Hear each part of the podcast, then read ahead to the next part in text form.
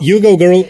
Met in čaj, podcast o medijih, dobrih in slabih praksah, novih tehnologijah in trendih prihodnosti. Gosti v medijih delajo, z njimi živijo in o njih razmišljajo ali pa jih medijska poročanja prizadenejo v takšni ali drugačni obliki. Gostitelja sva Nataša Briški, Metina Lista in Aljaš Pengobitenc, Radio Chaos. Aljaš, zdravo. Živijo, Kje te motim? Med medvedje, tako rekoč. Ja. Če ste danes medved, potem vas bo današnja epizoda še posebej zanimala. Mm -hmm, podrobnosti glede stanja o tem pri nas, glede tega, kako zares nevarni so, kako varno je hoditi v gost in kaj lahko naredimo sami, da se zaščitimo. Predvsem pa je to nekaj, ali až kar sva se lotila, ne bom rekla v novi sezoni, čeprav se na nek način tudi malo uh, nakazuje. Uh, danes... Vsekakor pa v novem letnem času, mm -hmm. ker Mi imamo vročinski val, ga imate vi tudi? Uh, hud vročinski val, končno po samem dežju v maju. Uh, mi dva sva, ne glede na vreme, dosegljiva na Afna Pengovski in Afna DC43. Komentarji in predlogi ostajajo zelo dobrodošli na info afnametinalista.si. Redno pa spremljava tudi ključnik Metinčaj in se iskreno zahvaljujeva za vsakršno podporo podkastu Metin Čaj in ostalim dobrotam na metinalista.si. Tako je. Um, kot smo rekli, teme današnje epizode so ogrožene živalske vrste, tiste v gozdovih in tiste na medijski sceni. Mm -hmm. uh, pri tem nam bosta pomagala uh, v zadnjem delu Jurija Gostiša, finance in pa. In pa Tomaš Skrbinšek z Juretom o poslovnih vidikih upravljanja z mediji in digitalnim preobrazbi časnika finance, kakšne so naše navade na spletu, koliko beremo in kaj smo pripravljeni plačati, ampak še prej pa v gost. In to v rubriki, ki smo jo zelo zvito poimenovala Check, Check Facting. facting. Jaz sem pred dnevi brala tisti članek v reviji Nature, kjer so šteli napade medvedov na ljudi in za Slovenijo je pokazalo med 2000 in 2015 12 napadov, noben se ni končal smrtnim izidom. Zdaj v Sloveniji smo imeli ravno par dni nazaj uh, nov primer. Uh, kaj lahko vi o tem poveste, o grožnjah, glede napadov rjavega medveda, volka na človeka. Kar se tega tiče, sta rjavi medved pa volk predvsej drugačni živali. Mogoče najprej o medvedu. Okay. Medved je velika žival, je zelo močna žival, pomeni, da je lahko za človeka nevaren. To je, to je gotovo. Po drugi strani so napadi medveda na človeka izjemna redkost. Zdaj, če pogledate ta isti članek, ko ste ga omenili, smo imeli v Evropi med 2000 in 2015 vsega skupaj 291 napadov. Ne. Imamo pa preko cele Evrope obravnavane, imamo 5-6 tisoč medvedov ali več. Um, pa ogromno ljudi, ki živijo z njimi. Uh, zdaj, zanimivo je, da polovica vseh teh napadov je bila v Romuniji, uh, kjer, kjer je ta kontakt med, med ljudmi in medvedom mogoče malo bolj izrazit kot pri nas. Um, zdaj, pri nas, v Sloveniji, imamo napadov medveda na človeka zelo malo. Mislim, zelo malo, glede na to, koliko intenzivno uporabljamo prostor, uh, tudi ljudje za razno rekreacijo, za delo. Pri nas imamo ogromno ljudi v gozdovih, imamo predvsem medvedov. Uh, imamo približno en, en tak kontakt med medvedom in človekom na leto poprečju. Ja, uh, to, se, to se že dolgo ni končalo z smrtnimi žrtvami. Ne. Jasno, to ne pomeni, da se to ne more zgoditi. Kot sem rekel, medved je velika, močna žival, to se zna zgoditi. Sploh, če se ljudje ne obnašajo v njegovem območju pač tako, kot bi bilo treba. Um, zdaj, napadi medveda na človeka so skoraj izključno iz dveh razlogov. Najbolj pogost je medvedka z mladiči. Pomeni medvedka, ki se prestraši za svoje mladiče. Uh, čuti, da pač nek človek ogroža te mladiče in človeka napade. Uh, včasih je to povezavi s psom, Naprimer, če gre človek za sproščenim psom v gost, pa ta kuža najde mladiča, potem ko pride mama medvedka, da rep med noge pa človeku nazaj, bo ta medvedka pretekla za njim in lahko poškoduje človeka. Uh, včasih pa čisto po naključju pač človek zaide v bližino mladiča, ne da bi to vedel, pa, pa ga lahko medvedka napade. Drug primer pa je, da me če medveda presenetimo. Sicer to je zelo, zelo redko, uh, Ampak recimo, če bi prav stopili na medveda, ko spi, si predstavljam, da bi se to zgodilo, kaj, kaj slabega. Ampak v večini primerov uh, gre pa res za te medvedke z mladiči, ki pa znajo biti zelo, zelo defenzivne, zelo, se zelo agresivno postavijo za svoje mladiče. Ali so se območje medveda razširila, ali se je območje človeka, ki se pre, reče, prekriva z območjem medveda, razširilo v zadnjih, kaj to, nekaj desetletjih? Malo gre za oboje. Po eni strani se površina gozda v Sloveniji znatno viša. Mene, govorimo o zaraščanju o teh nekih, nekih površin, ki so bile prej uporabljene za ekstenzivno pašo, vzdrževane strani ljudi, vzdrževane pa že se niso zaraste proti gozdu, na kar je to gre v naravni sukcesiji, ko so ljudje nehali uporabljati, ker se pač ni dalo, ne vem, kositi s traktorji ali kaj takega, prehaja najprej v grmovnice, potem pa dalje v, v gost. In to se po eni strani bliža naseljem, Po drugi strani pa se ljudje širimo v prostor medveda. Naša naselja rastejo in se širijo in tudi vse je lepo živeti tako čisto na robu gozda, že malo med drevesi, ampak si pa, si pa jasno, potem si v življenjskem prostoru medveda. Uh, gre malo za oboje in eno in drugo. Medvedov pa tudi več, kot jih je bilo. To pa gotovo samo po sebi nosi uh, dodatno tveganje. A poveste še za volka? Omenili ste glede napadov medveda na človeka. Uh, kako je pa z volkovi? to moramo še. Ja, kar se volka tiče, pri nas nimamo zabeleženega napada zdravega volka na človeka. Sploh. V preteklosti je bilo napadov stekli volkov na ljudi, je bila ena študija narejena, ko so to gledali tam. Pač. Vse, kar se je dalo najti podatkov, nekje do 18. stoletja nazaj po celi, po celi Evropi. Um, je bilo teh napadov stekli volkov na ljudi kar nekaj. Je pa steklina zdaj bolezen, ki je zaradi uh, tega preventivnega cepljenja divjih živali, preko teh vab, ko se meče z letal, uh, je dosti bolj kontrolirana. Tako da danes stekli volkovi niso ravno nekaj, kar bi pogosto uh, videli ali pa bi, kar bi se pogosto dogajalo. Kakšna je politika Evropske unije glede te, teh divjih zveri? Uh, kakšno politiko ima Evropa do tega? Vse velike zveri v Evropi, imamo štiri, od medvedov in volkov, imamo še risa in rosomauha, rosomauha seveda samo na severu, spadajo med strogo zavarovane vrste. Pri tem sta volk pa medved na aneksu štiri, kar pomeni, da, da sta sploh strogo zavarovana. Zatem to področje regulira v Evropski uniji habitatna direktiva. To je en taki krovn zakon, ki ga morajo vse države članice spoštovati in upoštevati. Um, po tem zakonu pravzaprav je dovoljeno kakršno koli odzemanje te živali iz narave uh, zgolj izjemoma.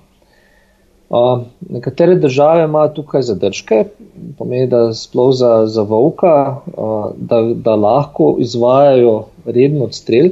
Slovenija te opcije nima. Pomeni, da pri nas se izvaja kakršno koli poseganje populacije na podlagi eni derogaciji po členu 16, ki pa je mogoče malo težko včasih upravičiti. Malo, ta habitatna direktiva je taka, taka zanimiva reč pravzaprav.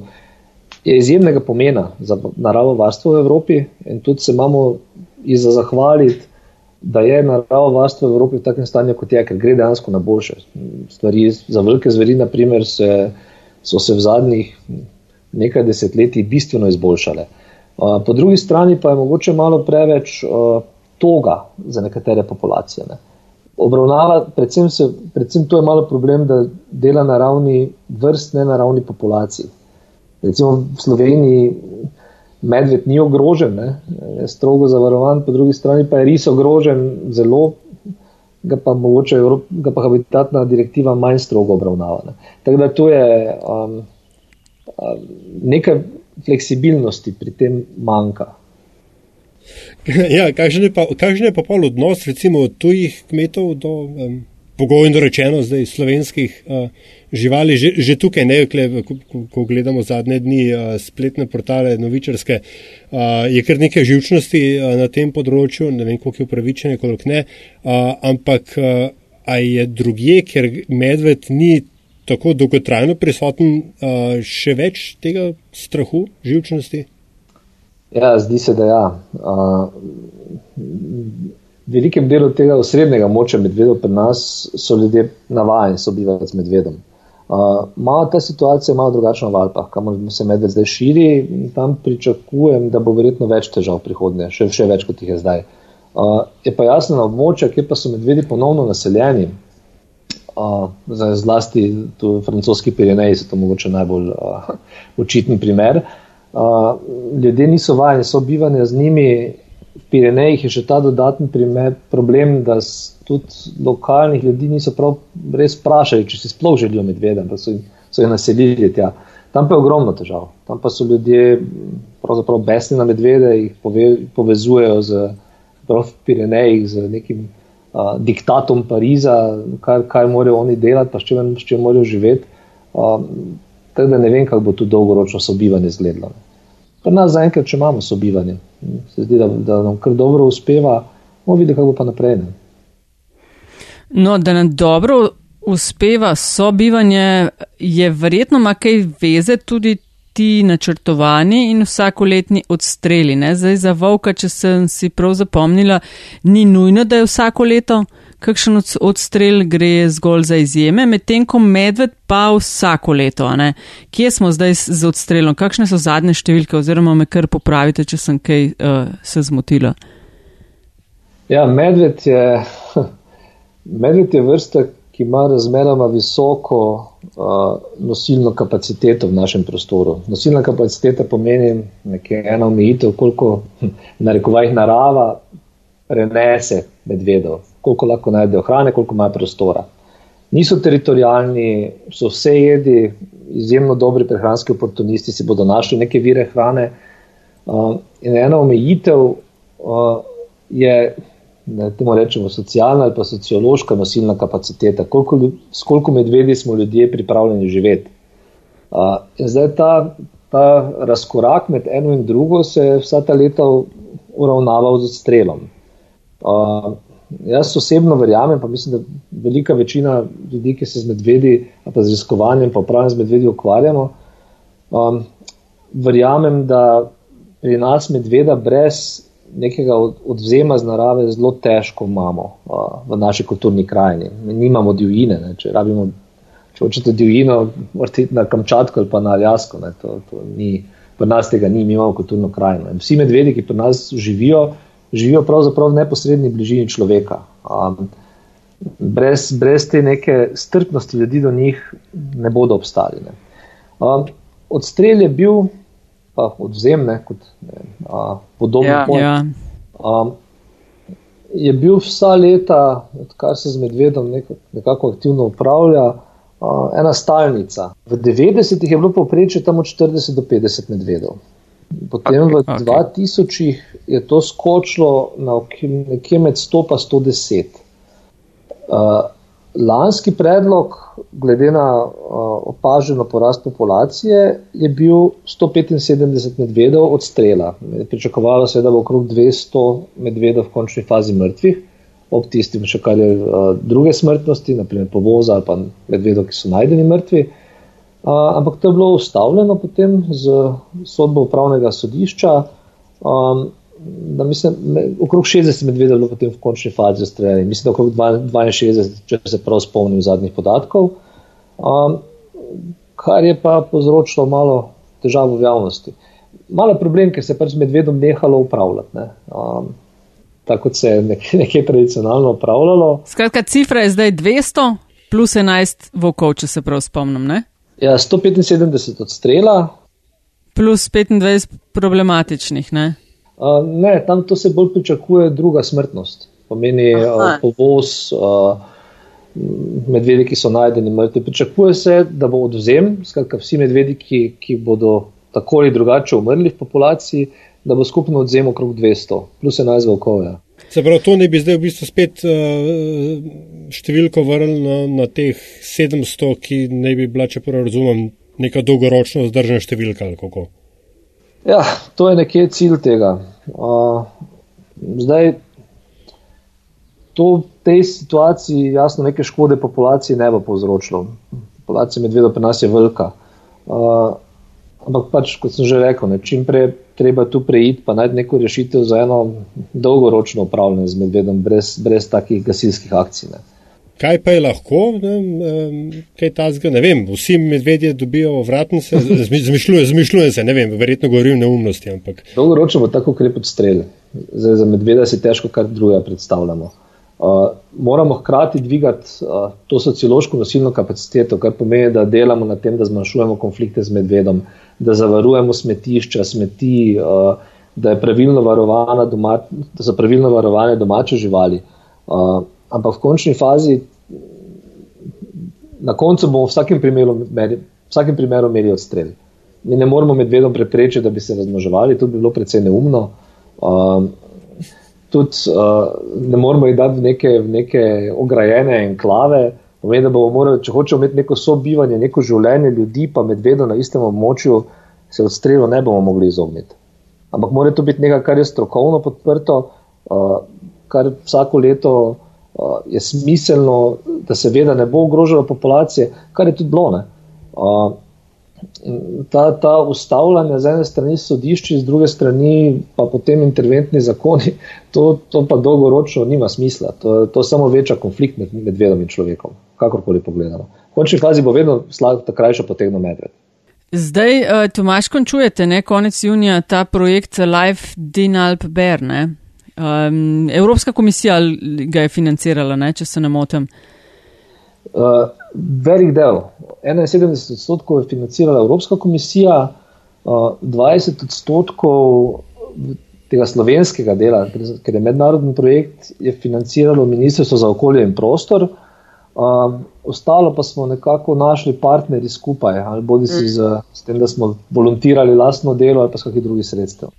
A lahko čist na kratko za konec poveste, kaj ste, uh, za tiste, ki ne vedo, kaj ste v okviru tega projekta delali in um, kaj so vam v bistvu povedali ljudje, če se ne motim, ste izvajali tudi neko več let trajočo raziskavo glede, prej ste rekli, družbene, socialne sprejemljivosti teh zveri. A se je mnenje ljudi kaj spremenilo v tem času? Se pravi, imamo kaj raje divje zveri ali kaj manj raje? Bom najprej odgovoril glede projekta. Eh, cilj projekta je bil izboljšati sobivanje medveda in človeka. To v, v območju Dinarido pa vzhodnih Alp. Sodelovali smo mi, Hrvati, eh, pa Avstrici, pa Italijani. Gre za to, eh, neko, za to našo skupno populacijo medvedov. Ob tem smo pa tudi hteli to spremljanje populacije, pa upravljanje s populacijo spraviti na višji nivo, pa na čezmejni nivo, da začnemo čim bolj skupaj upravljati s to populacijo. Aktivnosti je bilo ogromno, da zdaj tu verjetno nimamo niti časa, da se vse, vse spuščali. En velik del je tudi usmerjen v ekoturizem, pomeni eno tako. Um, Promovirati medveda kot neko uh, kvaliteto v prostoru, ki lahko tudi lokalnim prebivalcem prinese čisto materialne koristi, uh, s tem, da privabi obiskovalce, ki te medvede pridejo gledati. Uh, in ob tem jasno prinesel kar nekaj denarja v lokalni prostor. Dost, dost se je tega dogajalo v projektu. Uh, ja, res v okviru projekta smo izvedli uh, tudi študijo sociološko uh, odnosa ljudi do medveda. Uh, ta naša sociološka ekipa, da temu tako rečem. Ja, ja. Uh, smo dvakrat naredili, enkrat v začetku projekta uh, in potem še enkrat ponovili leta 2015 uh, ne, 20, pardon, 2019, uh, da smo videli, koliko je bilo razlike v odnosu, ali se je kaj spremenilo v tem času. Uh, ena zanimiva taka skupna točka je, da, aha, še to mogoče, tudi anketa se je izvajala uh, v dveh območjih, v območju, rekel temu, stalne prisotnosti medveda v Dinaridih, pa v območju, kamor se medvedi širijo v Alpah. To je za vsako, vsako območje bilo neodvisno vzorčeno, uh, širša javnost, pa lovci, pa rejci kot dve ključni interesni skupini. Uh, tudi ciljalo se je na, na signifikantno število vzorcev, pomeni uh, okrog pri splošni javnosti, naprimer, pa 400 ljudi v vsakem območju smo ciljali, ne? na ključno zbranih. Uh, pa še to vzorči smo naselja manjša od 10 tisoč ljudi v območju medvedane pomeni ne, ne velika mesta, ne urbano prebivalstvo, ampak pač ljudi, ki, ki so res v stiku z medvedom. Uh, skupna točka je, da, da ljudje podpirajo varstvo medveda in menijo, da medved spada v naš prostor. To je, to je, ko smo delali podobne ankete pri Vovku, se je isto pokazalo. Ljudje v Sloveniji niso proti varstvu velikih zveri, prav nasprotno. Uh, je pa res, da, je, da je kar nekaj ljudi menilo, da je pač medvedov v Sloveniji preveč. Uh, takih je bilo nekaj več kot 39 odstotkov v letu 2019, uh, v letu 2015 pa 31 odstotkov. Ta, ta del se je malo spremenil. Pomeni ljudje, medvedov je več. Ne. To ljudje vidijo, čutijo uh, in tudi posledično pač menijo, da je bilo mogoče boljše, če bi bilo malo manj. Uh, večinoma se tudi prebivalci Slovenije ne strinjajo s povečanjem števila medvedov, uh, ampak je to še vedno tako pol-pol uh, smo okrog 50 odstotkov. Ne. Pomeni tudi polovica ljudi, bi se tudi na, na območju medveda, še vedno nima nič proti, če bi bilo medvedo več. Ne. Jasno, druga polovica pa se s tem ne strinja. Ne. Prikladne so te epizode zdaj, ker ta zgodba z medvedjem v Kovi, to se vleče že od lani v končni fazi. Ne? Ja, uh, ko je bil ustavljen odstrel. Tako, ne, zdaj, pa, zdaj pa kar naenkrat to eksplodiralo. Ja, zdaj je mogoče res, da je, da je ta, to poletno zatiše pri ostalih novicah ali pa pred dogajanjem. Mogoče. Samo velike zveri grejo tako iz fokusa pa v fokus javnosti v nekih malo nepredvidljivih ciklih. Imeli smo tam v začetku 2000 tudi tako izjemno vročo situacijo, ko, ko so. Um, ko so bili medvedi spet v, v takem centru pozornosti. Um, uh, ko se tudi dvignil odstreli z tistih 40-50 na 80, ne, um, smo imeli podobno, tak, zelo podobne, podobne debate, um, ni šlo tako daleč, kot je zdaj šlo. No. Um, ampak so nekako vedno, velike zveri so nam zanimive, ne, kot ljudem. So, zdaj, če bi se tu pogovarjali o neki, ne vem, nekih talnih živalcah, nekih strigah ali kaj takega, nobenega ne bi preveč zanimalo. Ne. Uh, ko se pa pogovarjamo o medvedih, pa, pa vsak ima svoje mnenje. Mnenja se razlikuje, ampak jaz še nisem srečal nobenega, ki ne bi imel mnenja o medvedu. Uh, tako da, pa ga sploh ne bi zanimalo, vsak bo nekaj povedal o tem. Um, zanimivo je, delali smo pred leti, smo malo gledali, eno, smo šli analizirati medijske objave o medvedih. O, no, kaj. Skozi skoz eno daljše časovno obdobje. Uh, je bilo prav zanimivo, da niso se upadale um, te neke negativne objave o medvedih, niso bistveno se upadale ne škodami po medvedih, ne z ničemer, so se pa izjemno dobro pokrivale z lokalnimi volitvami. Ne. Aha, uh, ja, ja. Te, da so medvedi en taki uh, faktor, ki, ki so. Uh, pač v nekem fokusu javnosti, pa, pa ne na zadnje, ki lahko postanejo ena, eno orodje ali pa igračka politike v neki točki. To, to pa medvedom ne, ne koristi prav dosti. Tomaš Skrbinšek, uh, najlepša hvala za ta pogovor. Hvala za vabilo. Check, Check facting. facting.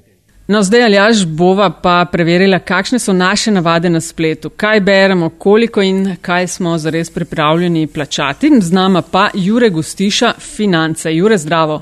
Živijo, živijo, ja. Živijo. In financam sem pozabila dodati še bonier, ali kako se to izgovori, ne? Bonier, tako je, naša grupa. Ja.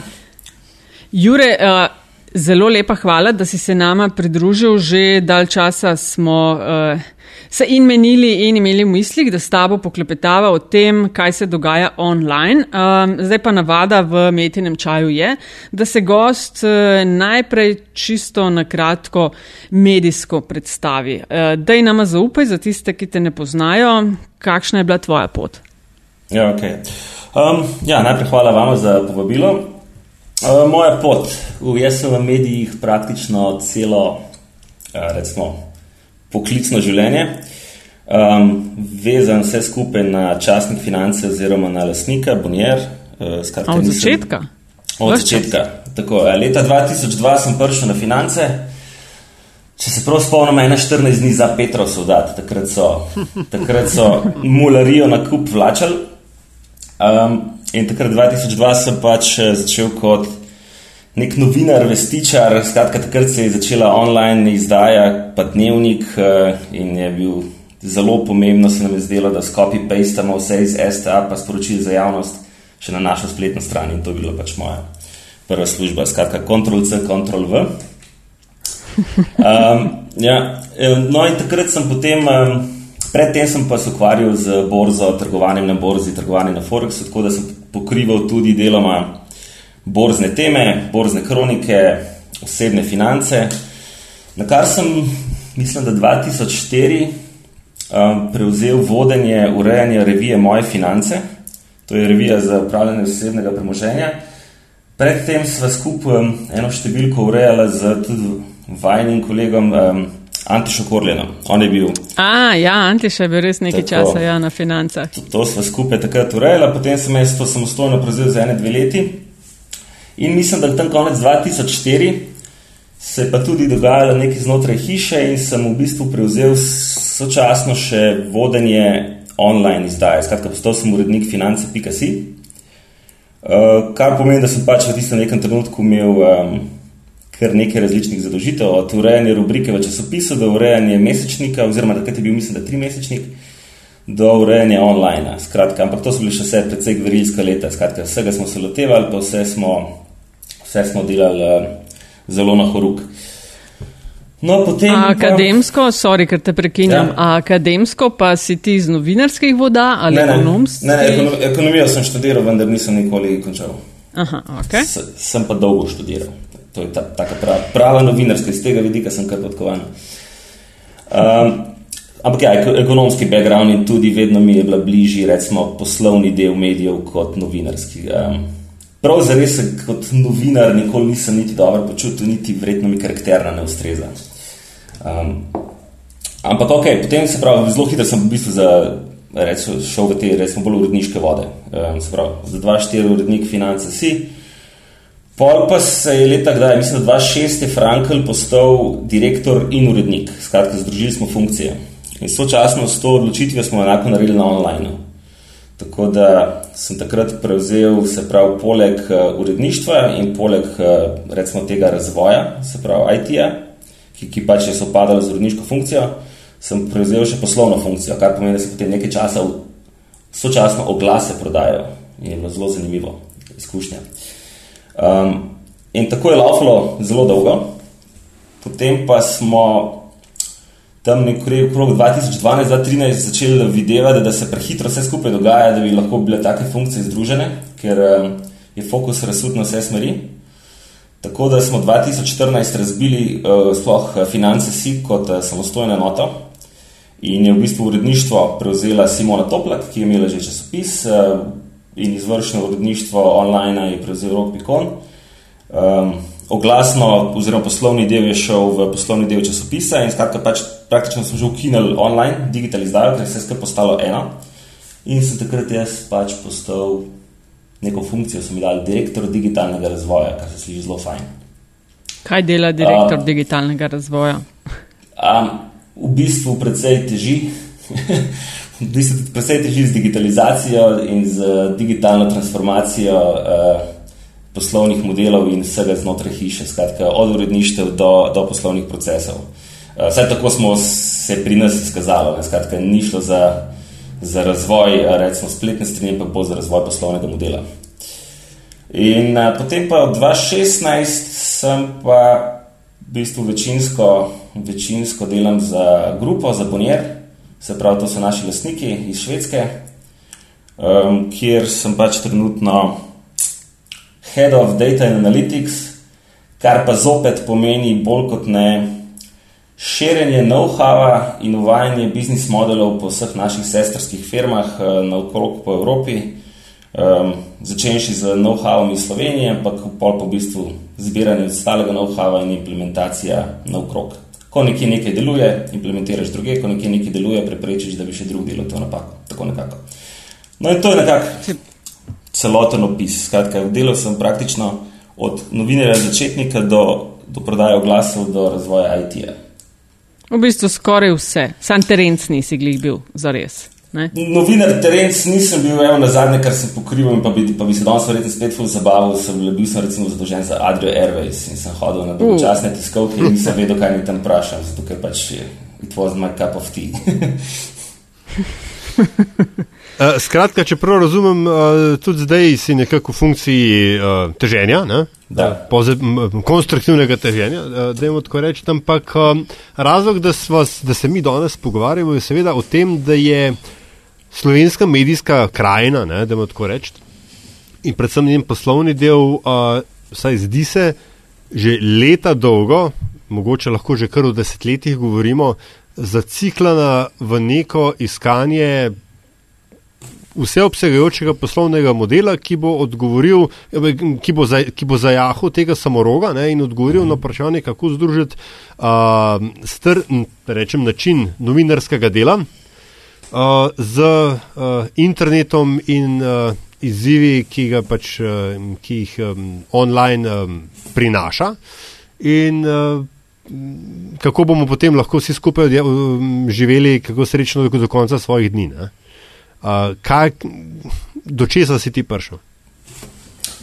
Pa nisem niti jaz prišel. Um, mi zelo ne radi smo um, interno preveč inovativni, um, ker to je zelo drago in imaš veliko poskusov. Um, zelo radi kopiramo.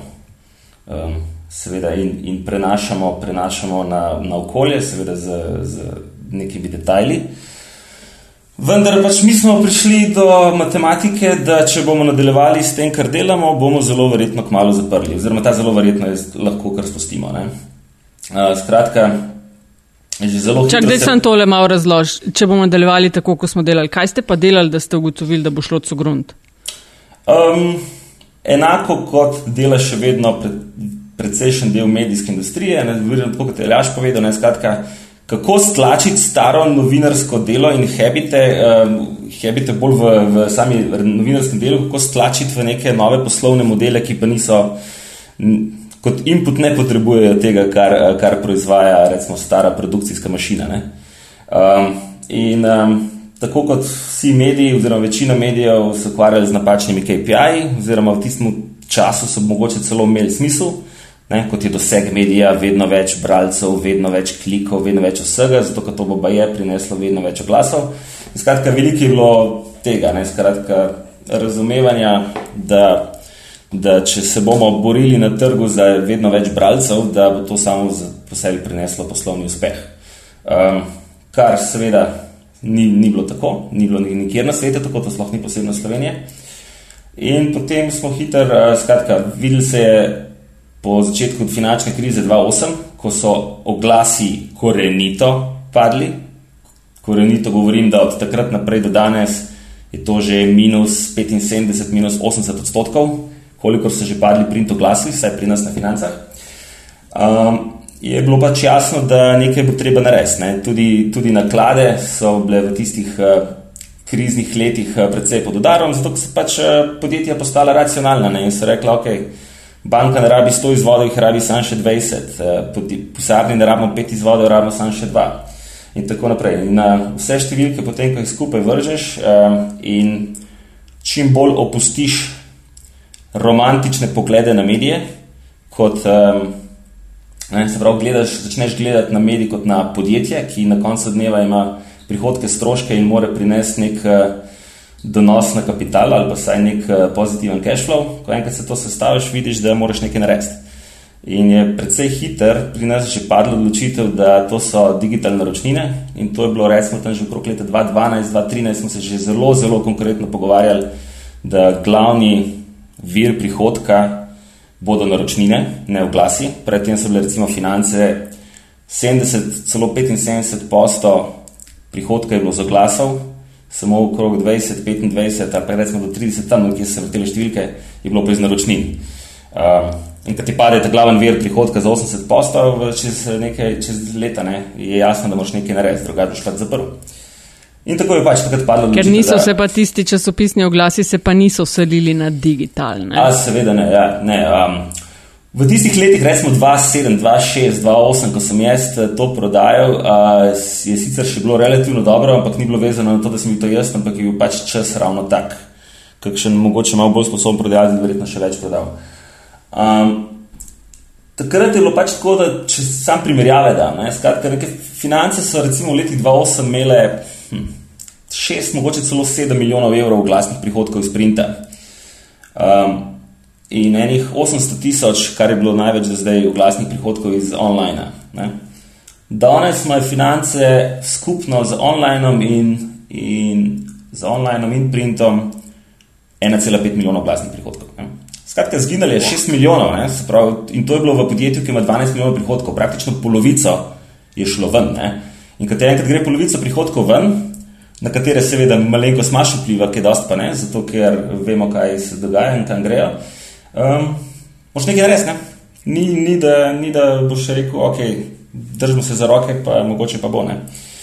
Tako da je bilo pač treba sprejemati pač neke odločitve, ki, ki prinese za sabo ogromno dela, še več pa stresa, slabe volje. Um, Govoriš o odpuščanjih, ne? Tudi to. Pa, mislim, odpuščanje je seveda stvar biznisa in je tudi čisto nekaj normalno, tako kot ti zaposliš, tudi odpustiš. Um, poleg odpuščanja so še drugi, so še drugi izzivi. Skratka, um, kar naenkrat um, ljudje niso več fit za delati tisto, kar potrebuje mediji. Potrebujejo novo znanje, nove veščine, ki jih nekateri lahko dobijo, nekateri ne. Kar naenkrat se, se reže v, v, v, v zdravo jedro. Zelo enostavno je 10-odstotni cost cutting v vsaki organizaciji narediti. To je res enostavno. Smo že večkrat naredili, reči 10 posto, odrežemo, se odreže. Pogreš pa v zdravo jedro, pa, pa, pa, pa, pa zato, da telo preživi, odsekaš zdravo roko. To, to so pa bolj boleče zadeve. Uh, ampak se pravi, Malenkost pomaga, če veš, da ni to vezano na lokalno okolje, da ni to vezano na neke lokalne zgodbe in posebnosti trga, ampak je pač to nekaj, kar je globalnega. Ne? In to je v vseh podjetjih. Uh, celo bi rekel, zdaj, ko nazaj gledamo, pa če se malo, um, recimo, temu, pustim empatijo ob strani, um, ko gledam, kako so se transformirale naše baltiške sestre kjer jim je pa GDP, ne vem, v Latviji padel uh, za 20 posto v enem letu, kar pomeni, da jim je v enem letu oglasni prihodki padli za 80 odstotkov in so v enem letu morali odpustiti 70 posto ljudi. Ne? In je bilo res krvavo. Uh, in nekatere firme, recimo v Litvi in v Estoniji, so danes precej, precej uspešnejše, kot so bile takrat, ne? se pravi, se je obrnilo in šlo gor. Ne? V Sloveniji smo imeli to smolo, ki ima verjetno, ah, smola, pa sreča se ne moremo težko reči, ki ima verjetno tudi naša država, ne? da se nič ne zgodi korenitega. Ne? Tudi naš GDP je padel po 3 posto, pa 2 posto, pa 5 posto, pa 2 posto, pa 3 posto. In v takih je okolju precej težko delati radikalne stvari, ne? zato ker nikoli ne zgleda, da je res nujno potrebno. Um, ko pa pogledaš trend spodaj, je pa jasno, kaj je potrebno narediti. In um, pri nas je bilo, hvala Bogu, volja strani menedžmenta, razumevanje um, znotraj hiše in strani lastnika. Lastnik je pa to seveda razumel, zato ker je videl predvsej bolj krvave stvari naokrog po Evropi. Da, da je edina logična odločitev za nas ta, da diverzificiramo portfelj. Finance danes so manj kot 60 odstotkov poslovanja časnika finance. Ne, skratka, fokusiranje na druge projekte, ki niso nujno časopisni uh, ali ne celo medijski. No, po malih naštaj. Ta glavna finančna akademija organiziramo blizu 100 dogodkov na leto, včasih je bilo 100, danes mislim, da je okrog 70, uh, to je ta glavna stvar. Um, potem imamo projekte, kjer združujemo recimo, podjetja v neke, temu recimo, kroške klube, kot so izvozniki, agrobiznis, uh, logistika, kjer pač uh, podjetja povežemo. Um, pišemo o njih, eh, dobimo se na dogodkih, organiziramo za njih evente, dogaja se networking, ki je mimo medijskega biznisa, bilo mogoče bi že lahko rekel, da vstopaš v področje lobiranja uh, in tako naprej. Um, imamo revijo za zdravnike, imamo revijo za, za, za pacijente, za B2C um, in pa seveda digital, digital subscription, ki je pač neka glavna usmeritev oziroma usmeritev je pravzaprav niti ne nujno digital subscription, bomo videli, kam nas bo vse pripeljalo. Usmeritev je readers revenue, temu pač tako imenujemo. Skratka, biti no, neposredno no, plačan pa... od končnega odjemalca. Ja, no, zdaj, zdaj bom pa ustavil tukaj, pa zdaj, dajmo to še enkrat pogledati v počasnem posnetku, kot se reče. Uh mhm. -huh. Ker zdaj smo prišli uh, do ene zelo zanimive teme, kjer, uh, kjer imate pač tudi uh, finance, bonije, pa tudi ti osebno, ne, uh, zelo dolgo zgodovino v smislu, smislu eksperimentiranja z temu, čemu lahko v nekih grobih obrisih rečemo uh, digitalna naročnina. Ja. Kaj, kaj vse ste probali, kako vse ste poskušali, vsi poskušali, tako rečem, monetizirati ne? finance mm -hmm. online? Uh, kaj ni delali, kaj delali in kje ste zdaj? Ja, ja. Prvi paywall na financah je bil leta 2003. Um, že z samo postavitvijo finance si leta 2001 jeseni, ko je, so finance v bistvu postale še le dnevniki, sprej uh, trikrat na tedenskega izhajanja, je že bila odločitev, da celotna sebina um, printa bo zaston na, na internetu, vendar je potrebna za vsebino printa uh, brezplačna registracija. To je bila odločitev, ki je bila sprejeta še pred mano, verjetno je črt Jakl sprejel, ki je bil takrat urednik in je še vedno z nami. Uh, in je bila verjetno ena najboljših odločitev, če zdaj gledamo nazaj, in temelj tega, kar smo potem bili uh, sposobni narediti. Skratka, mi smo od začetka imeli registriranega uporabnika in od začetka smo gradili ta odnos z uporabnikom, ne pa z, ne pa z deset ali sto tisočimi uniki iz Google Analyticsa. Ne. Skratka, to nikoli ni bil zares pomemben KPI, oziroma vsaj že recimo zelo, zelo veliko let ni več. In od takrat 2003 se je potem odločilo, da okay, idemo nekatere članke zaklepati, uh, samo da vidimo, kaj se dogaja. In uvedli smo tudi um, micropayments, ne? se pravi, lahko si kupil neke žetone in te žetone tokne si potem zamenjal za članek. Mislim, da je bila cena začetna 0,8 evra na, na, na žeton.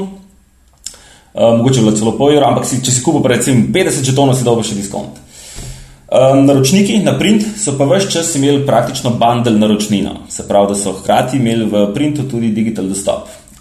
No, leta 2003 se je to počasi začelo, to je bilo takrat čist nekaj um, precej novega. Po, po svetu so se seveda razni Wall Street Journali, tudi deloma Financial Times, tako odločili za paywall, um, ker pač narava njihovega kontenta um, in predvsem kupci njihovega kontenta, se pravi, kdo je tisti, ki denarnico odpre.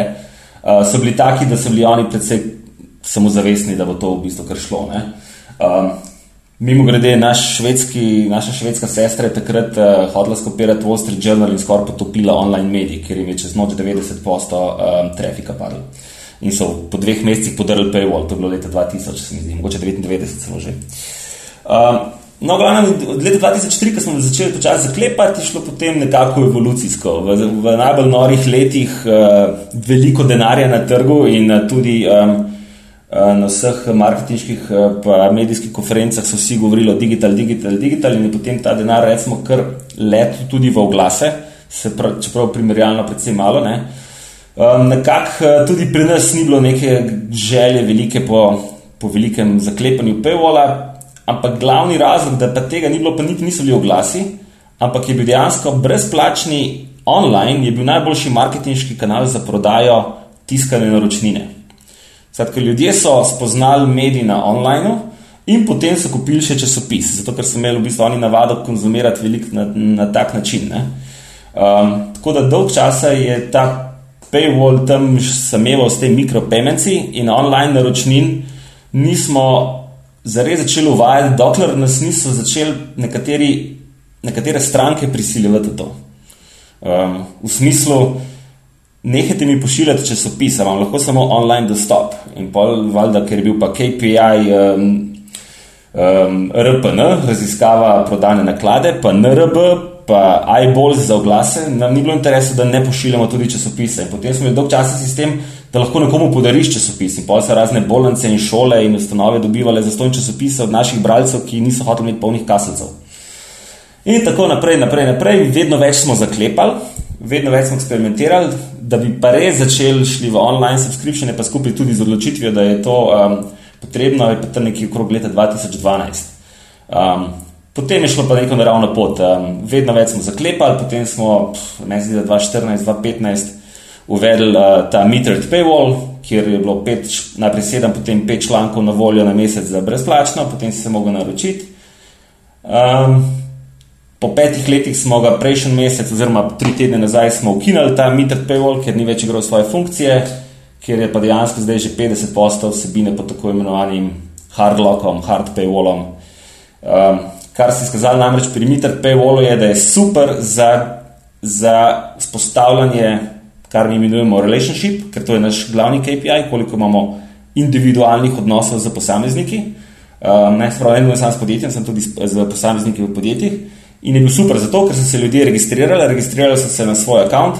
Nekateri so se seveda desetkrat registrirali, da so dobili 50 člankov brezplačno in tako naprej. Pač vse te trike, ki jih seveda niti nismo kaj dosti preganjali, cost benefit eh, časa je tukaj zelo slab. Um, ampak um, ni pa to zelo, zelo drivalo prodajo naročnin. Skratka, Mitred Paywall ni narejen res dobro za prodajo naročnin, ti potrebuješ močnejši trigger. Um, in uh, najmočnejši trigger je pa se pravi uh, hard paywall. Ne, se pravi, ampak je bilo treba se veliko naučiti. Naučiti se je bilo treba delati uh, drugačen kontent, naučiti se je bilo treba delati drugačne naslove, um, naučiti se je bilo no, treba povej, prodajati ja. in tako naprej. No, zdaj pa povej, kaj ljudje, ki si to si super omenil, da je bilo treba drugačen kontent, drugačne naslove, ne, ki so uh mhm. -huh. potegnili, da si sploh človeka dobil. Kaj smo ljudje pripravljeni online plačati? Ja, um, tako verjetno kot. Pri... Za razliko od recimo medija, ki si ga delal 15-20 let nazaj. Ja. Um, recimo ni, ni, ni recepta, ki bi deloval posod, to opažamo v naši grupi. Uh, tisto, kar deluje v Sloveniji, ne deluje nujno v Litvi, ne deluje nujno v Estoniji, na Polskem, na Švedskem, na Danskem. Skratka, vsak mora stestirati, trial and error.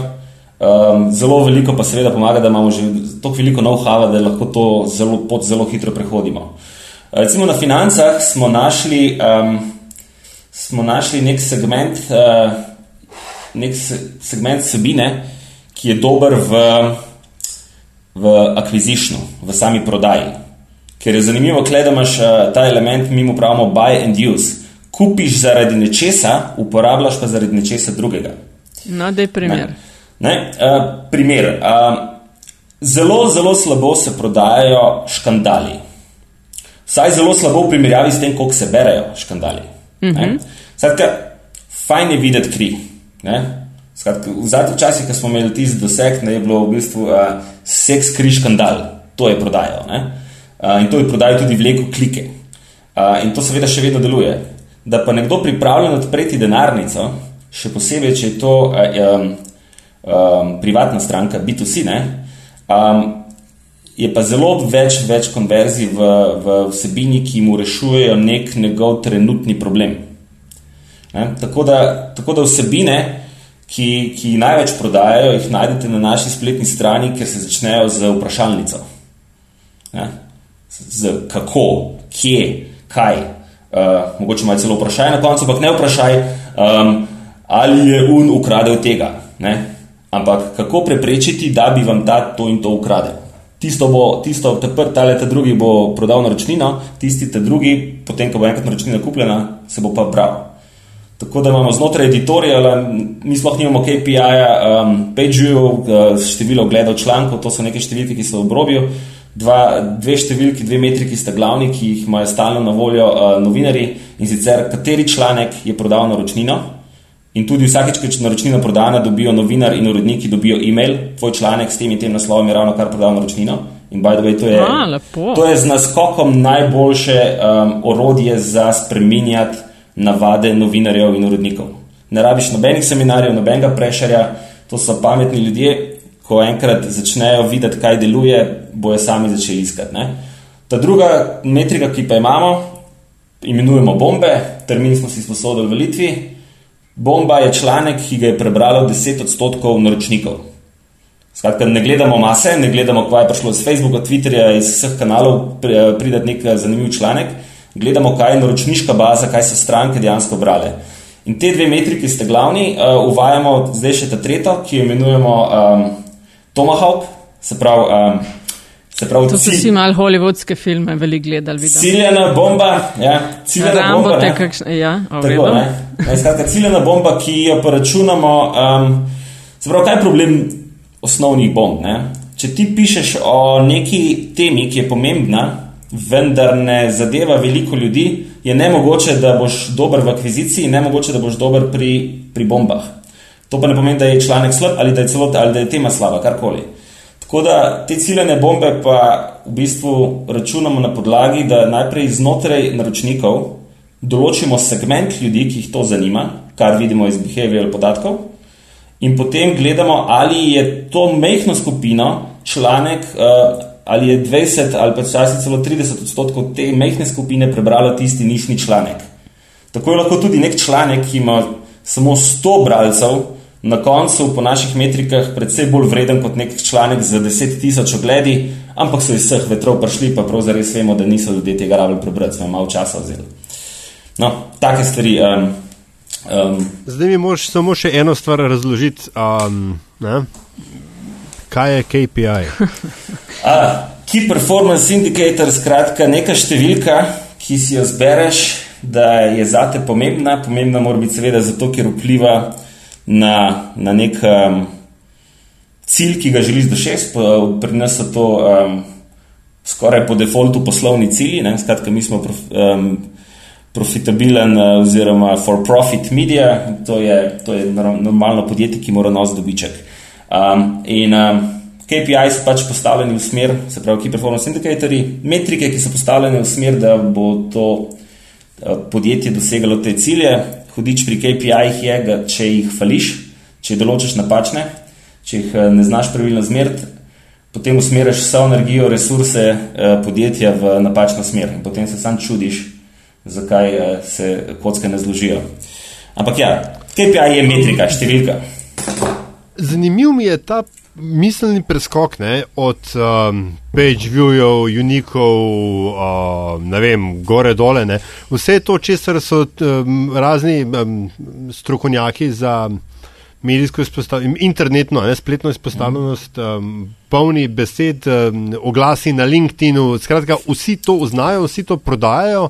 Um, tudi don, dan danes, ne, ko se greš pogovarjati uh, s kakšnim uh, podšefom marketinga, te seveda najprej vpraša, koliko imate v page view-jev. Ja. Ja, ja, ja. Malo mal, mal tla ja. gledaš, pa, pa mencaš. Uh,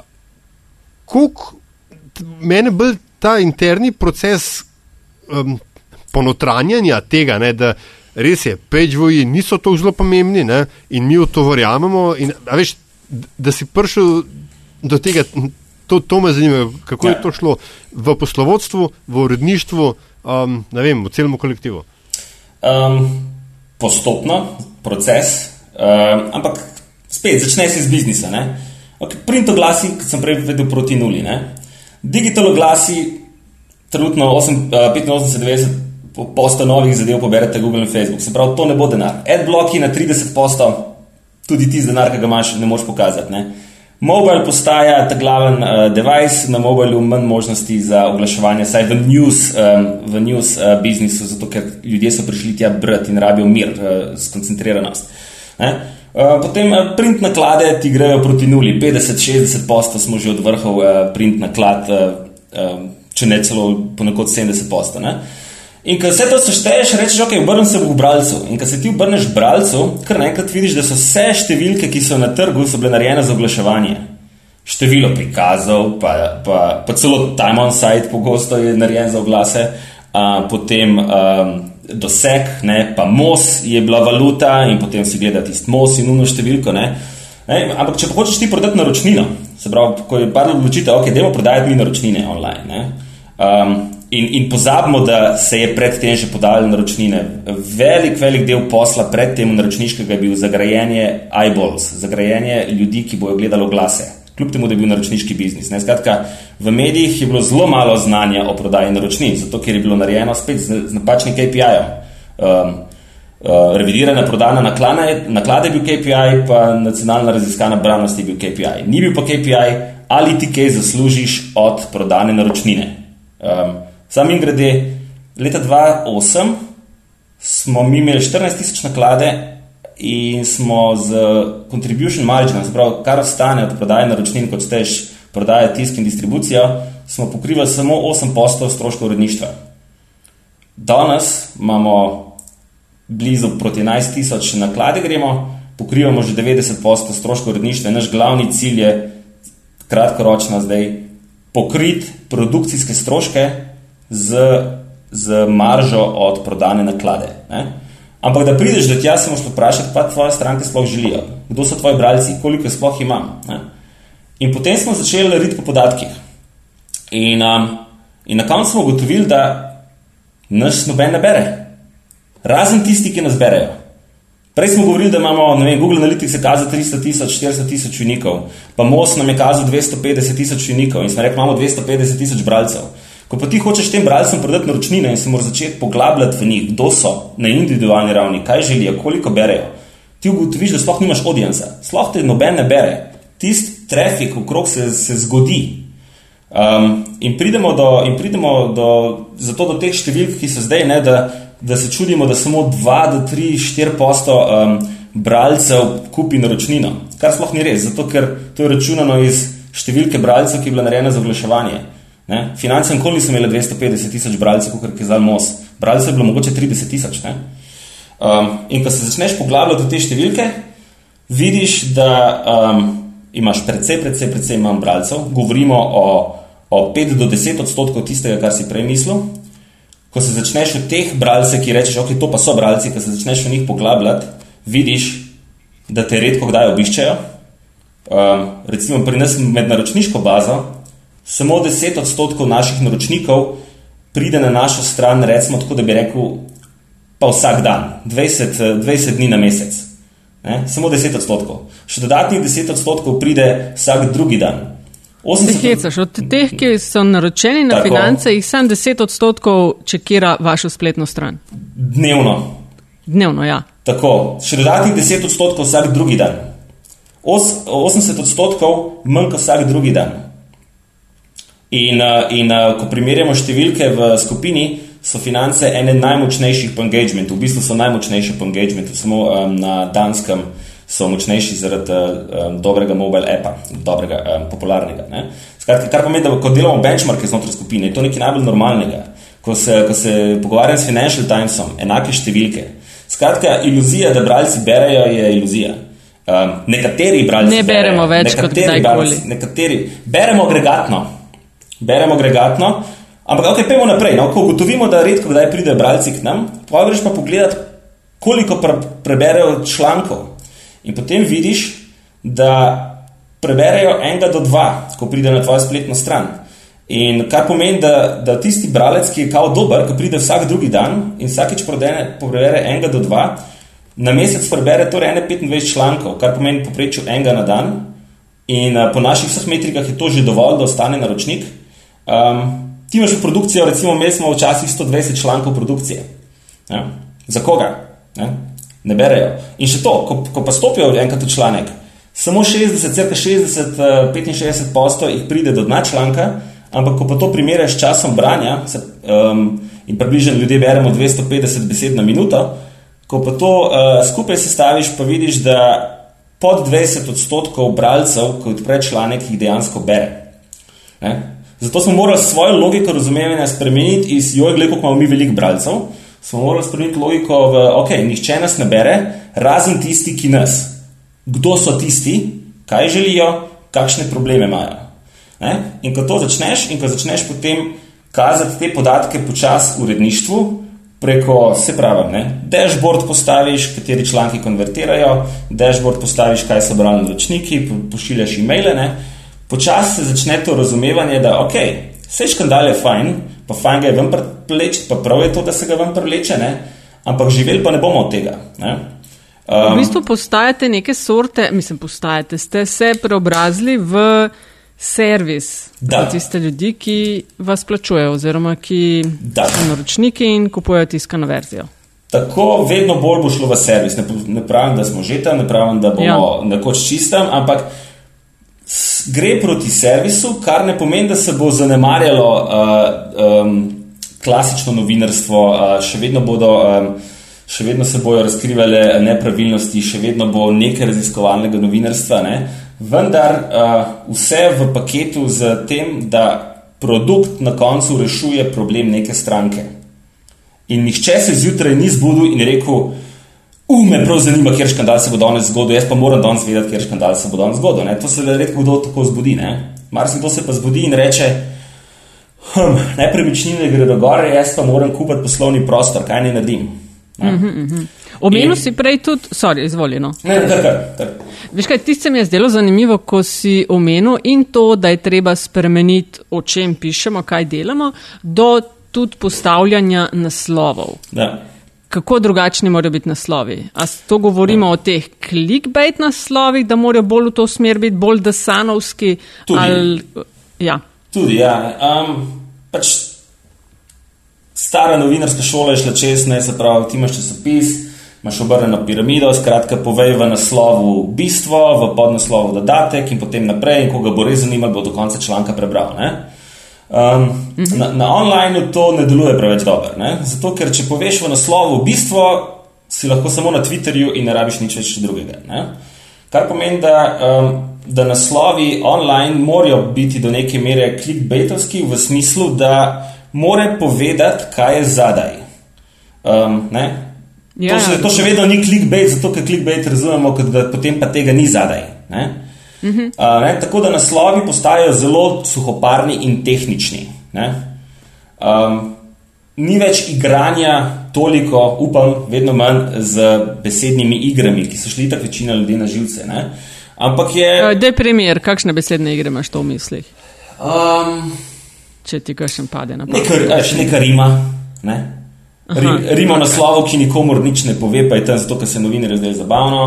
Um, neke primerjave, da čakaj, kaj smo že imeli enkrat, ki je cel Twitter veseljačev upravičeno. Um, da je nek znesek, ki je bil zračunan v plačah mladih zdravnikov. Ah, ne. točno, sem glih na to pomislil. A ja, no, a veš, take- bilo sto. Ja. Take stvari. Vse se še vedno zgodi in valjda v redu je, in tudi ne težiš redakciji zaradi tega, ker konec koncev tudi oni se morajo fajn imeti. ne.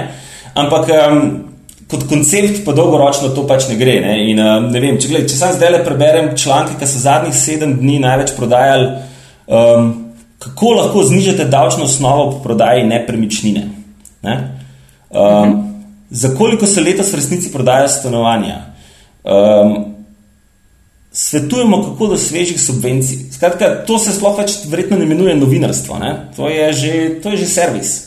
Ne? A veš, da sem tudi v, v čaju, to mislim, da že povedala parkrat, na metini listi smo pred leti en uh, na nek način easy članek objavili in Mhm. sicer kako ustanoviti zavod, ne, ki je še vedno eden najbolj branih na naši strani, ne, ker je bilo po korakih, Da. veš, za eh, v narekovaju nekoga, ki zaposle, naslednja, ne, ja. tist A, B, C, D, E, to, kar rabiš, ki se nečesa novega lotevaš. To je ne. pa naslednja zanimiva stvar. Ne? Naši novinarji morajo vsak članek označiti z timeliness. To je nekaj, kar smo skopirali z New York Timesa, mislim, da je bilo v prvem njihovem unmu reportu in se mi zdelo blazno fajn. Skratka, novinar mora oceniti, koliko časa bo članek še doprinašal vrednost uh, stranki. Uh Mhm. -huh. ne? Škandal je fajn prebrati ta teden, mogoče en mesec, Ja, ja, pa ja. že mim. Ne? In, Ja. ja. In je vedno več, uh, želimo imeti kontenta, vsebine, ki, ki ima ta timeliness, recimo leto ali celo evergreen, ob upoštevanju, da je včasih treba to malo updatati. Malo updatati, ja, ja. In ja. ko imaš ti enkrat to, ti lahko korenito, korenito zmanjšaš produkcijo. Ne? Mi, kot sem rekel, mi smo šli 120 člankov na dan, smo zdaj trenutno verjetno na nekih 30-40 člankih. Uh, skupaj Manj je z- več. Skupaj z, manj je več, skupaj z vsemi nišami. Um, Moraš imeti pa resno, resno dobro urejeno distribucijo. Ja? Skratka, to čist drug špil postaje, kot je tisti habit. Prišel na spletno stran pogledal kaj novega. Kot sem prej povedal, samo 10 odstotkov ljudi sploh pride enkrat na dan, kaj šele večkrat na dan. Samo 5, 5 posto ljudi hodi večkrat na dan na spletno stran gledati, kaj novega. Ne? Novinari imamo pa v glavi, da joj, vsake, vsake ne vem, 10 minut moramo nekaj novega objaviti, pa vsaj vsake dve uri se mora naslovnica zamenjati, to, to je vse skupaj larifari. Um, Saj larifari je v biznisu, ki ga mi delamo. Ne? Če si ti uh, nek uh, še vedno basfit, ki moraš delati uh, stalni pogon in v bistvu moraš krst engagement bralcev, skratka ti zahtevaš od njega, da, da, da je pri tebi, ne? um, je mogoče to celo potrebno. Ne? Pri nas uh, probamo iti stran od tega in vedno, vedno več vsebine imeti tako imenovana evergreen ali pa vsaj nekaj mesecev. Ne? Um, nekaj mesecev vredne, zato da lahko zmanjšamo količino produkcije, ker manjša količina produkcije so manjši stroški in smo bližje temu cilju, da je redakcija samozadostna in se pokriva z readers revenue. Zdaj pa ti si, uh, Jure, zelo velik v tujini. Ne? V tej skupini Bonnier imate v kolikih državah? Uh, deset, Ja, ne, pet, pet, 15 do 20 držav vse skupaj, naša skupina Bonnier B2B, ne, se pravi ta poslovni bolj uh, mediji. Um, pa v bistvu so poslovni mediji najmanjši del skupine, mi smo pa v cirka desetih državah. Jaz delam v cirka desetih državah. No. Okay. No, in kad delaš v teh desetih državah, seveda gledaš, kaj deluje nekje. A mi lahko poveš, kakšne so recimo razlike v primerjavi s Slovenijo? Kaj, ne vem, pali na Danskem ali v Litvi ali v Estoniji, pa ste probali v Sloveniji in ni šlo. V čem smo zelo drugo, drugačni ali pa mogoče tudi v čem smo ja. eh, podobni? Ja, uh, večinoma gre obratno, ne, se pravi, večinoma v tujini probavamo, kar je delovalo, pa ni delovalo v Sloveniji. Um, Skratka, know-how iz Slovenije gre večinoma ven, predvsem manj ga not prihaja.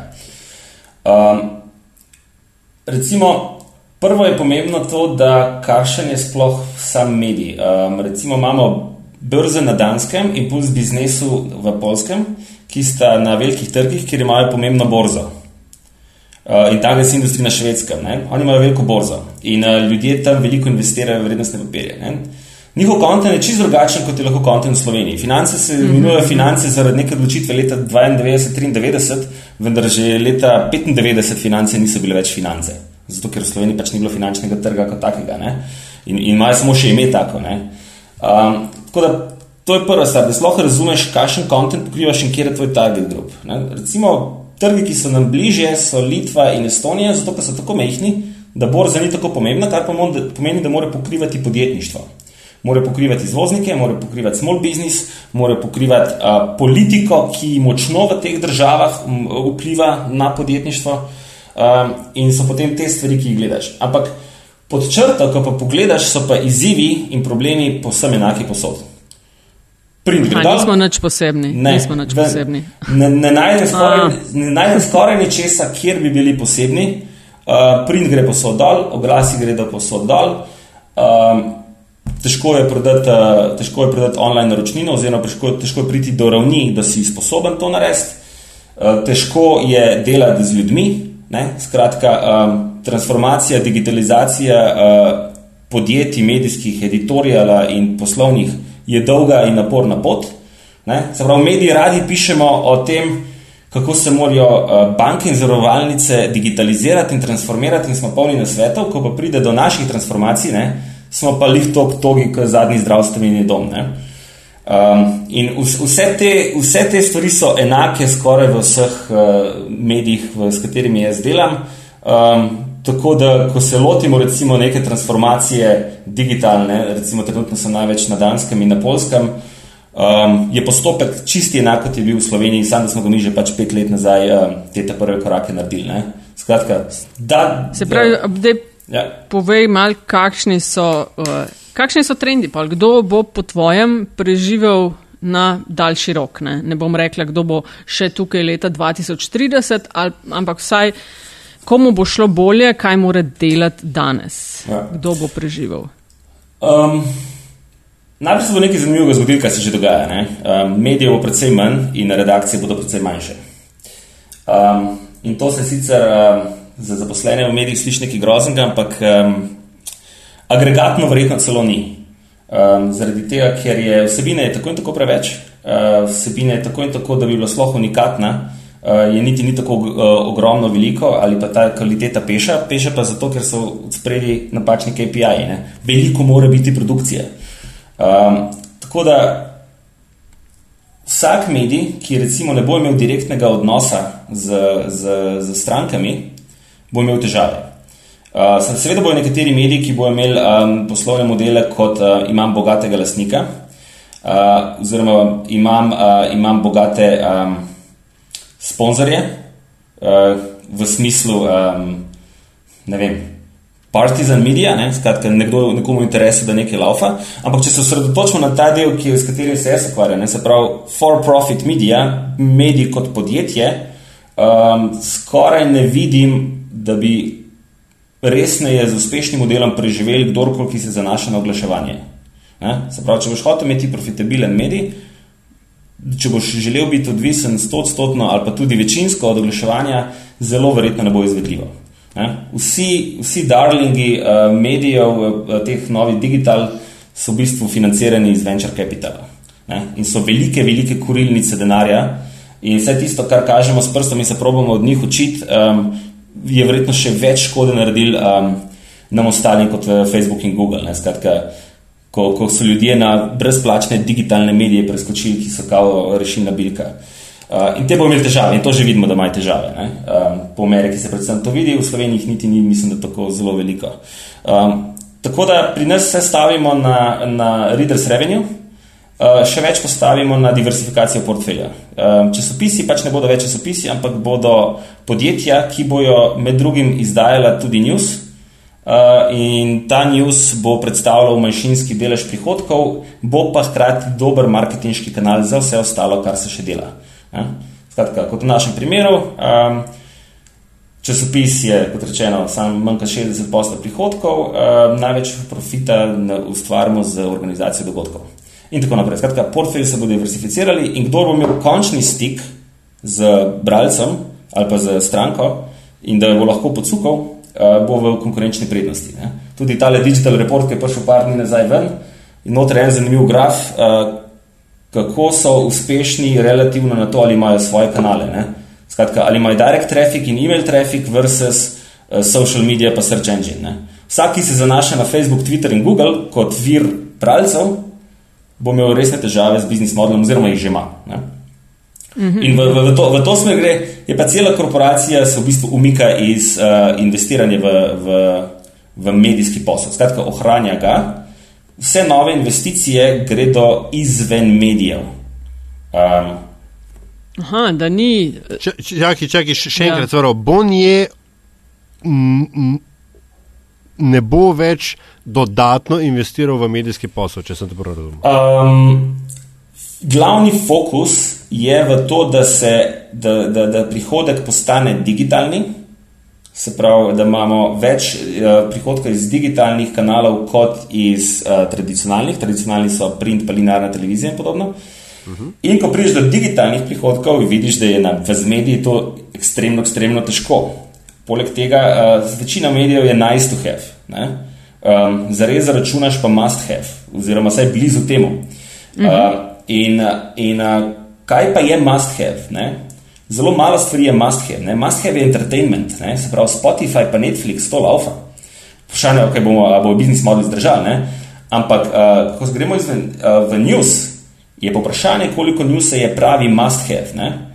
Tako da gremo uh, kot investicijsko grebonjer v, za primere, um, ne več v časopis za zdravnike, ampak v orodja, ki pomaga pri diagnosticiranju uh, in ga zdravnik uporablja, ko ima stranko pri sebi.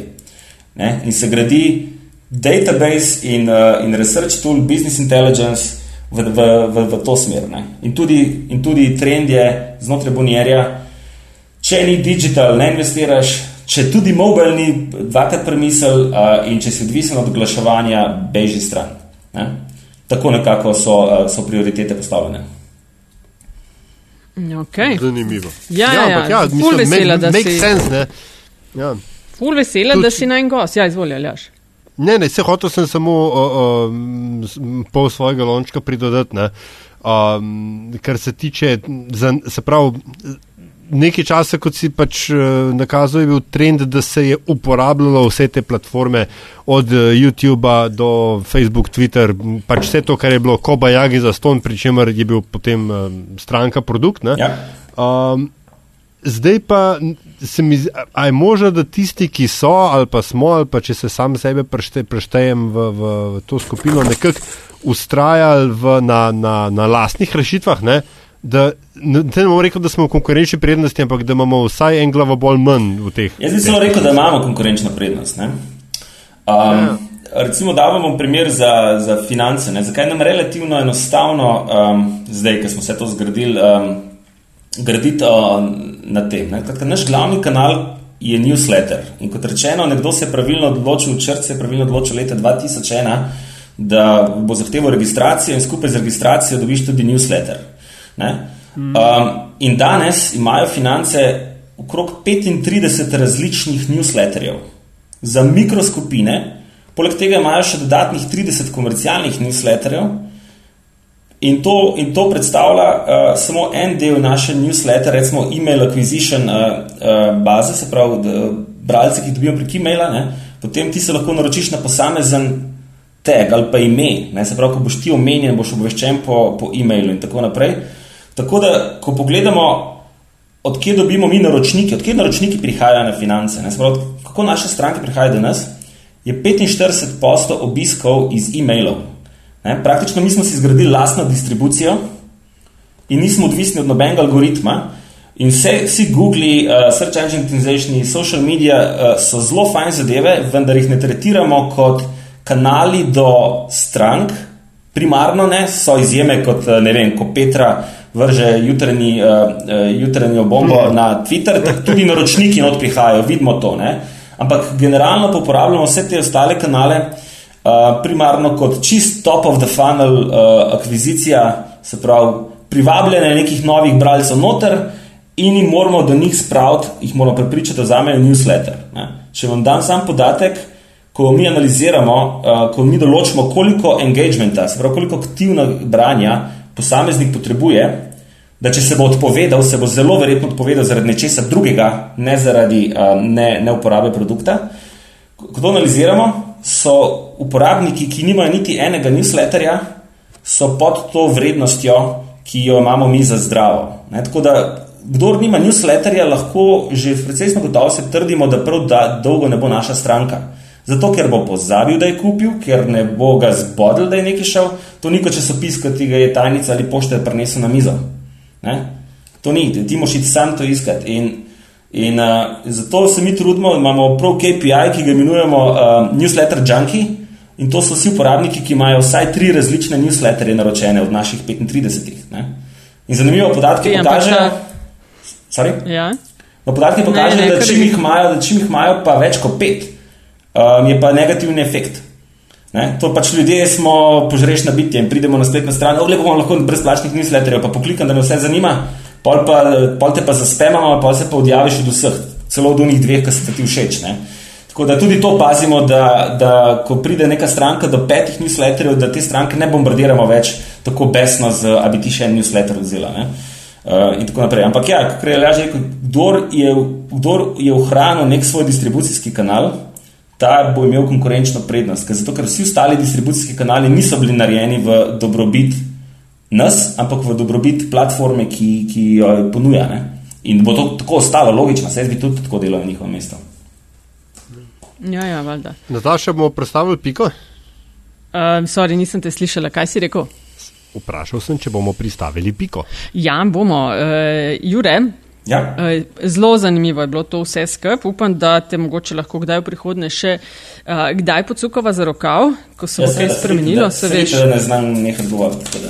Ja, uh, ker to, ne, nisem mislila tega, ne. Sam to sem hotela, no, da kar, kar danes govorimo, ni nujno, da bo enako čez pet let. No, vsekakor, vsekakor, da ne. In, um, ne. In se zelo trudimo tudi pri nas, da smo recimo. Um, Zelo, zelo dovzetni za to, da um, preverjamo, ali imamo narobe ali ne. Mm. Spremljamo stvari. Zalažem imamo to navado, ne, da pa na koncu vsakega metenega čaja poprašava po kakšni zanimivosti, zgodbi, anekdoti, ki, jo, uh, ki jo z nama deli gost oziroma gostja. Uh, tako da izvoli, tvoja minuta. Ja. Kaj ocenjuješ, da veliko ljudi ne ve, pa bi jih znali recimo zanimati? Uh. Ja, eno, eno stvar se mi zdela, eh, se mi zdela zanimiva, v bistvu povezana s tem, kar sem prej povedal, da, um, da zelo radi kaj uh, falimo in se pravimo iz tega naučiti. Uh, jaz sem tudi osebno zelo rad uh, fejle, uh, v smislu, um, še posebej, ki potem skelam po, po Evropi, um, koristi vsake fejle. In bi rad sam uh, eno stvar povedal, ki se mi je zgodila lani, uh, ki, in ki je uh, rahlo. Uh, um, neugodna, embarrassing. Um, in sicer, mi imamo na, na naslovnici imamo, um, recommendation algoritme. Ne? Skratka, naša naslovnica je prilagojena vsaki stranki posebej. Uh, in samo manjši del dejansko na njo vplivajo uredniki, vse ostalo zadnji laufe algoritmi, uh, ki pač ocenjujejo, kaj bi ta stranka lahko prebrala, če se še ni prebrala in tako naprej. Ne? In mi smo to stvar naredili že leta nazaj, verjetno ne štiri, pet let nazaj, in takrat se je AB testiral, veliko je bilo vložka v to, in potem smo rekli, da ta stvar deluje. In potem grejo pač leta mimo in pozabiš. In lani, čez poletje, začne meni moja partnerka, ki bere finance, razlagati, da je vaša naslovnica tako brezvezna, meni skozi kaže ene železnice. Ah, si že bral o železnicah, ne si že bral o železnicah, pa te to zanima, se te zanima. Ja, jaz sem, samo me ne zanima skozi. Ja. Pa me čez dva meseca, jo res skozi mi kaže, eni niste, ene niste službe, ta vaš top job. Ta top job mi kaže, da ja, to je tako pameten algoritem, veš, to ti bo ocenil, kaj te zanima in ti bo pokazal. In je šla mim. Ne. In potem enkrat eh, spet reče, pozim že, se pravi, to je že pol leta minil ne, in mi reče, Jaz ne morem več gledati tistega članka od Simone Toplak na vaši naslovnici, zakaj mi to skozi kaže. Pa, pa sem rekel, pa se bereš Simono, pa, ja, pa mi skozi enega in nizga kaže, sem rekel, ne, to je pa ne mogoče. Pa sem ga že petkrat odprl, sem rekel, to je pa ne mogoče, ne, valjda, prepričan v svoj prav, ne, ker, ker IT-oc bo pa priznal, da je njegov softver um, sesut, ne. Ok, gremo v tisto mi pogledat, ne, in kva se izkaže? Izkaže se, da je dejansko že lani marca crknil algoritem, In, in smo do januarja letos, tri četrt leta, um, v nekem delu spletne strani kazali en in isti kontent. In uh, čez noč, ko smo tisto užgali nazaj, da deluje, se je trafik, uh, se trafik povečal za štirikrat, ker prej pač padel na 25% prejšnjega, za štirikrat povečal čez noč trafik, zato ker seveda smo kazali, začeli kazati ljudem spet relevanten kontent. Ne? Um, in, um, Ta fail je, je zanimiv, ker ga uporabljamo po celi Evropi, da kažemo. In je v bistvu ima, recimo, ene tri nauke, um, ki so mi zanimivi. Prvič, da algoritmi absolutno delujejo. In uh, ta graf, kako smo mi failali in kako, um, kako uh, smo izgubili trafik ker smo ga ignorirali, uh, kljub opozorilom z trga. Um, smo zgubili trafik, to je relativno potem enostavno prepričati vse sestrske podjetje, da so uh, algoritmi nekaj, v kar se splača vlagati. Ne? Še bolj pomemben uh, nauk se mi tukaj zdi ta, da okay, če nekaj delaš ne, um, in ti tam želiš urediti distribucijo, se moraš vedno vprašati, zakaj. In če imaš zakaj, moraš imeti potem v zadnji ta KPI, ti moraš imeti metriko. Skratka, ti moraš stalno spremljati in preverjati proces, ali ti deluje ali ne. ne. Um, in tega je v digitalizaciji precej, precej več, kot smo bili kadarkoli navajeni prej v tradicionalnem biznisu, ker pač eh, printing proces je bil narejen in je tekel, in če cajtek zvečer ni vam prišel, očitno nekaj se zalomil. Ne. Tukaj pa ni tako enostavno, moraš med stalno preverjati. In uh, to je spet neka stvar, ki, uh, ki jo potem ogromno stvari smo uh, recimo zaradi tega spremenili. In pa seveda tretji in najbolj pomemben um, nauk je pa um, pač posluženo. Um, če ti pol leta ja, nekaj govori, ja, mogoče, ja, ma, mogoče ma pa prav. Ne? Um, in seveda ne, ne samo ženo, v tem primeru tudi stranko. Skratka, poslušaj stranko, kaj ti govori in preveri, če je to res, ker uh, vse ostalo boš zaverovan v tisto svojo, tisti svoj prav, ki je ali pa ni prav. Mm. Ja, ja, včasih smo čist preveč uh, prepričani v svoj lasten prav, ker je velik cajt verjetno bil prav. Pa pa vsake toliko se pa zgodi, da pa ni. Tako, nekako, ja. Primer ja. Trump, a ne? Ja. Tako je. Ja. Um, uh, Jure, gostiša, najlepša hvala za ta uh, upogled v poslovno drobovje medijev uh, danes in včasih. Hvala vam.